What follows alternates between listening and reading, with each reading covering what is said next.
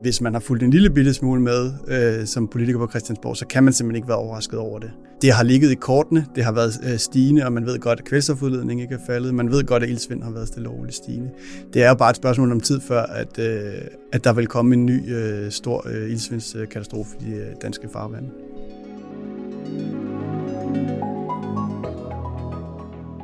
Ildsvind er i de her dage på alle politikers læber. Men på Altinget, der har miljøredaktør Hjalte Kravsten skrevet om de døde havbunde siden 2014. I dag der skal vi tale om liv under vandets overflade og om politikernes interesse for det. Jeg hedder Karoline Tranberg, og du lytter til Altinget Azure. Hjalte, kan du huske første gang, du skrev om ildsvind her på Altinget? Jeg har i hvert fald været i gemmerne og fundet ud af, hvornår jeg første gang øh, skrev om det. Det var i øh, 2014. Øh, og dengang var det som i dag, der kom en øh, ildsvindsrapport, som berettede om øh, kraftigt ildsvind flere steder i de danske øh, farvande. Det var, øh, kan jeg se, en lille notits dengang øh, i Altinget, øh, som var noget, som man bare sådan kort noterede. Men jeg kan da i hvert fald huske, at jeg selv øh, tænkte, da jeg øh, begyndte at skrive her på Altinget, at det egentlig var, egentlig var overrasket over, at der stadigvæk var det her med døde fisk og døde bunddyr osv. Øh, det, det troede jeg faktisk egentlig ikke var noget, som sådan stadigvæk skete i Danmark. Jeg kan se her, at den artikel, den hed Kraftigt ildsvind i sårbare fjorde. Ja, og det er jo, øh, det er jo sådan lidt paradoxalt, at, sådan, at det er jo næsten det, man også har skrevet i dag. Det her, det var jo i 2014, at du skrev den artikel. Du har skrevet om det lige siden. Har du oplevet, at politikerne har gjort noget ved problemet? Jeg har i hvert fald oplevet øh, politikere, som gerne vil gøre noget på problemet, som har lavet øh, masser af aftaler øh, om øh, tiltag, der skal forbedre det. Øh, forbedre, skal mindske kvælstofudledning og forbedre vandmiljøet. Men man kan sige, jeg har jo ikke oplevet øh, store, drastiske indgreb i den her periode. Det har været øh, små skridt i en retning, men som jo, må man jo bare konstatere, ikke kan aflæses i øh, de, øh, på det vigtigste parameter, som er den øh, udledning af kvælstof, der er til vandmiljøet. Og øh, man kan også bare konstatere, at øh, ildsvindet er stigende i Danmark, selvom at politikerne har snakket om at lave vandplanen øh, 1, 2 og 3, øh, at det skal blive bedre. Så øh, jeg tror, at svaret må nok være, øh, være nej. Jeg kan ikke rigtig se en stor forbedring. Men jeg vil samtidig sige, at det er jo ikke fordi politikerne har øh, ignoreret fuldstændig den her udfordring. Nu er ildsvind kommet på agendaen på en anden måde. Rigtig mange politikere talte blandt andet om det til Folketingets åbningsdebat. Vi lever jo ikke kun med klimaforandringerne. Der er også en reel natur- og biodiversitetskrise. Tag nu bare vores fjorde. Kigger vi over vandet, så er de lige så smukke, som de altid har været. Kigger vi under overfladen, så er de blottet for liv. Vi skal med andre ord have reduceret kvælstofudledningen. Hvad tænker du om det? Det tænker jeg er relativt nyt. Øh, det kan jeg ikke huske, at man har øh, talt om til en øh, åbningsdebat. Jeg tror sidste gang, vi snakkede så meget om kvælstof, det var, da Eva Kjær Hansen væltede som minister på en landbrugspakke, hvor der var fiflet med, med tallene. ja, som jo handlede om kvælstofudledning. Jeg tror, det her det er, eller det er jeg sikker på, at det her det er jo udtryk for, at man står et øh, nyt sted, øh, hvor at øh, ildsvindet når rigtig høje øh, niveauer. Øh, og øh, samtidig har der været en mediedækning hen over sommeren, som har været meget massiv, øh, især i politikken og også nu her i øh, Berlinske. Øh, og, så nu, og så kombinerer du det med, med det værste ildsvind i 20 år, så, så tror jeg, der begynder at være, så er der grobund for, at det rent faktisk også er noget, der kommer til at fylde på de store, øh, sådan mere politiske øh, navler. Lad os få på plads, hvordan ildsvind det opstår. Det starter med, at landmænd bruger kvælstof til at få afgrøder til at gro. Planterne optager dog ikke alt det kvælstof. Og hvis det så regner meget, så skylles kvælstoffen ud i de danske fjorde og farvande. Her giver det gødning til alger, og dermed vokser algerne og gør vandet grumset. Og så svinder ilten i vandet ind. Heraf iltsvind. Og hvor i Danmark er det, det her især foregår?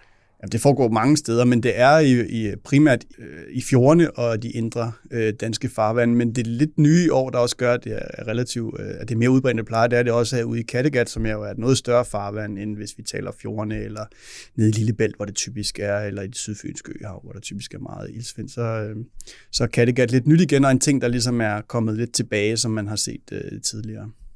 Hvornår fandt man første gang ud af, at det her det er et problem? Jamen altså, man taler i hvert fald om 1981 som det, sådan det første store ildsvindsår. Men i 1981 sprang den første bombe. Der var utallige døde fisk rundt omkring på stranden og op på strandbredden. Et omfattende ildsvind med tonsvis af døde fisk ryster danskerne. Det kommer bag på alle, at havet reagerer på den måde – og det, det var jo også, der oplevede man de ting, som øh, man har oplevet i år med, med døde fisk og bund, bunddyr, der, der døde osv. Øh, og der satte man jo et, og det undrede man så over, hvordan det her det foregår. Øh, og så satte man også en stor apparat i gang og undersøgte det og kom frem til, at, at det kan ikke, kunne ikke kun forklares med vejret, fordi vejret var jo selvfølgelig varmt og ingen vind og så videre dengang, fordi det, skal jo, det er jo en faktor. Men der, der, der har man, dengang fandt man ud af, at, at man havde lignende meteorologiske forhold i både 50'erne og 60'erne, og oplevede slet ikke de her store grader ildsvind, så, så, så man kom frem til, at det har noget med de næringsstoffer at gøre, som, øh, som øh, var ude i vandet. Øh, så det var allerede dengang opdaget man, at, at særlig kvælstof øh, var, et, var et stort problem for, for vandmiljøet. Og øh, jeg var lige tilbage i nogle af de gamle rapporter fra dengang. Øh, der stod der, at man havde dilsvind på størrelse med Fyn og Sjælland, og det man oplever nu i Danmark, det er på størrelse med, med Sjælland, så det har altså været rigtig massivt, det man har oplevet i 1981, øh, som jo så også satte, satte det store apparat i gang for at finde ud af, hvad, hvad, hvad, der, var, hvad der var på spil. Det var før øh, vi to blev født. Hvornår var første gang, du selv hørte om ildsvind? Altså jeg kan i hvert fald huske, øh, jeg er ikke sikker på, at jeg vidste, at det hed ildsvind, men jeg kan huske, at Maja Fjord døde og der har jeg været 13 år gammel. Øh, og jeg kan huske nogle billeder af en masse døde ål. Det kan jeg huske meget tydeligt. Og så kan jeg huske, at det var noget med, at det var bundemandens skyld. Så, øh, og jeg husker som en af de ting i min barndom, der gjorde utrolig, øh, utrolig stort indtryk. Jeg tror, at de fleste mennesker har forskellige ting, de kan huske fra af store nyhedsting. Og det er faktisk en af de ting, jeg kan huske ret tydeligt. At Maja Fjord døde. Jeg tror faktisk, jeg synes, at alle de der døde ål var ulækkert. Altså, øh, jeg ved ikke, om jeg synes, at det var synd for dem. Men jeg synes, at det var virkelig, virkelig ulækkert, hvad der foregik i Maja Fjord. Nu har Berlingskes fotojournalist, øh, ham der hedder Asger Ladefod, her i oktober udgivet en fotoserie om miljøet i de danske fjorde, mm. farvande, som han har taget over det seneste år. Hvad tænkte du så, da du så de her billeder? Det ser skidt ud. Jeg kunne ikke se noget som helst, fordi alt var bare vivlet op i bunden. Så er det også sådan ret klaustrofobisk. Altså, der er så dårlig sigt, så jeg kan ikke rigtig se bunden. Så man skal ligesom forestille sig, at du bare tager en dyb indånding, og så dykker du ned. Og for mig var det stadigvæk, nu har jeg gjort det mange gange efterhånden, men der er det ret grænseoverskridende at dykke ned i en eller anden uvidshed. Men nede på bunden, der bliver man bare mødt af basically ingenting. Jeg har jo beskæftiget mig med området, og ved godt, at havbunden kan se rigtig slem ud. Men jeg er alligevel lidt overrasket over, at det var så mange steder, og så, øh, altså, det ser virkelig ørkenagtigt ud. Det er det, jeg så har opdaget, at der er ikke noget. Der er ikke nogen fisk, der er ikke nogen stenrev. Hvis der er planter, så er det meget, meget, meget få, og de er typisk i en ekstremt dårlig tilstand. Og så er der sådan noget, øh, kan der være sådan fedtemøg, altså ligesom sådan en overbevoksning af sådan noget grøde alger eller sådan noget. Det er ligesom det, der er. Men det ligner en ørken. Jeg var ikke chokeret over noget som helst. Det synes jeg heller ikke, at der er nogen politikere, der skal være. Altså man har vidst det i lang tid, man ved, det, det er stigende. Der er ikke nogen, jeg tror altså heller ikke, at de er overrasket over det ind på Christiansborg. Men derfor kan man jo godt alligevel blive lidt overrasket over, at det så, at det så alligevel ser så slemt ud, når, når der er nogen, der fotodokumenterer det.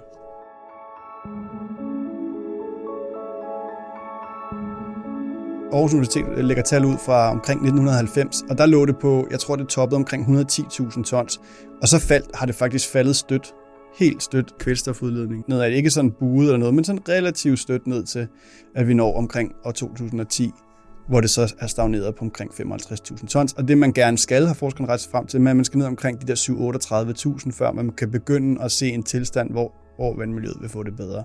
Og også noget, Danmark øh, er forpligtet til, ligesom alle mulige andre EU-lande, at skabe det, der hedder god økologisk tilstand i alle vandområder. Øh, der man renser frem til, at vi skal ned på 38.000. Så man har øh, altså, set lyset af, at, at det ikke har rykket sig, selvom man har indført alt muligt de sidste mange år, så er det en kæmpe opgave, som, øh, som man skal have på plads inden 2027. Og hvad skal der til for at ændre det? Jamen, øh, altså regeringen og et bredt flertal i Folketinget, det er jo ikke kun regeringen, det er stort set alle partier, der er i landbrugsaftalen, de har, de har sagt, at de vil nå ned på det her tal. Jamen, vi skal nå det. Jeg, jeg er enig i, at der, man er kommet for sent i gang, og det, den her udvikling burde vi jo have sat en stopper for lang tid før. Nu har vi problemet, og nu må vi have, have det løst. Og de har sagt, at i første omgang prøver vi med de her frivillige virkemidler, øh, udtagning af lavbundsjord, minivådområder, større vådområder osv. Og, og der har de så indført en, det de kalder en miljøgaranti, som de skal se på næste år. Hvordan går det med de her ting? Hvis man ikke kommer i mål, jamen så har man aftalt, at så øh, kan man lave noget mere hård regulering øh, hvor, man, hvor landmanden får nogle mere strikse krav, at så skal du gøre sådan.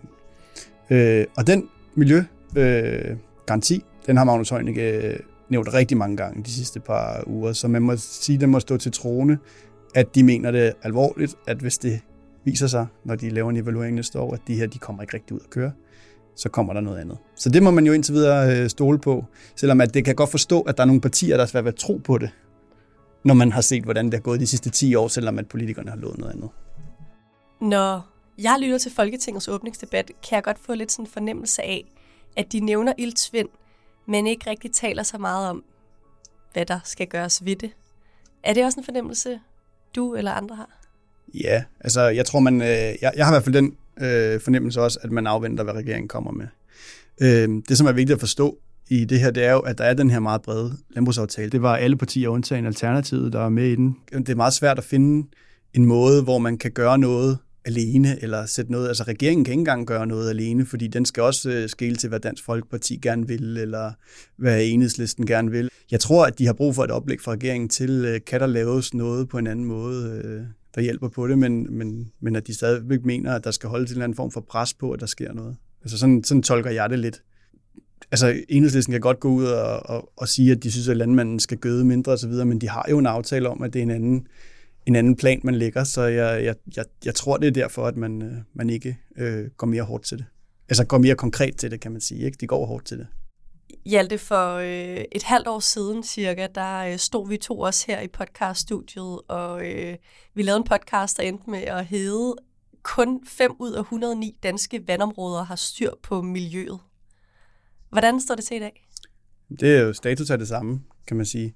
Det er 5 ud af 109 af de øh, vandområder, som øh, vi forsøger at gøre øh, bedre og bringe i god økologisk tilstand, som er, er i god tilstand. Og det er meget få af dem, man regner med at kan få i øh, god tilstand i, øh, i 2027, som er den, øh, den målsætning, vi har, har aftalt i øh, EU, af det år, vi skal nå det i.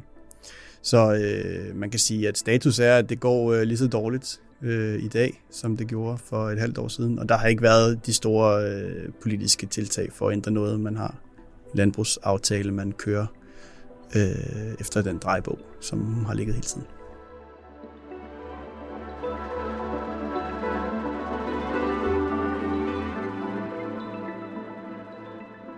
Det var Azure i dag. Vi spillede klip fra DR, TV2 og Berlingskes podcast Pilestræde. Den her podcast den blev produceret af Emma Klitnes. Jeg hedder Karoline Tranberg, og pas godt på dig selv, til vi lyttes ved igen.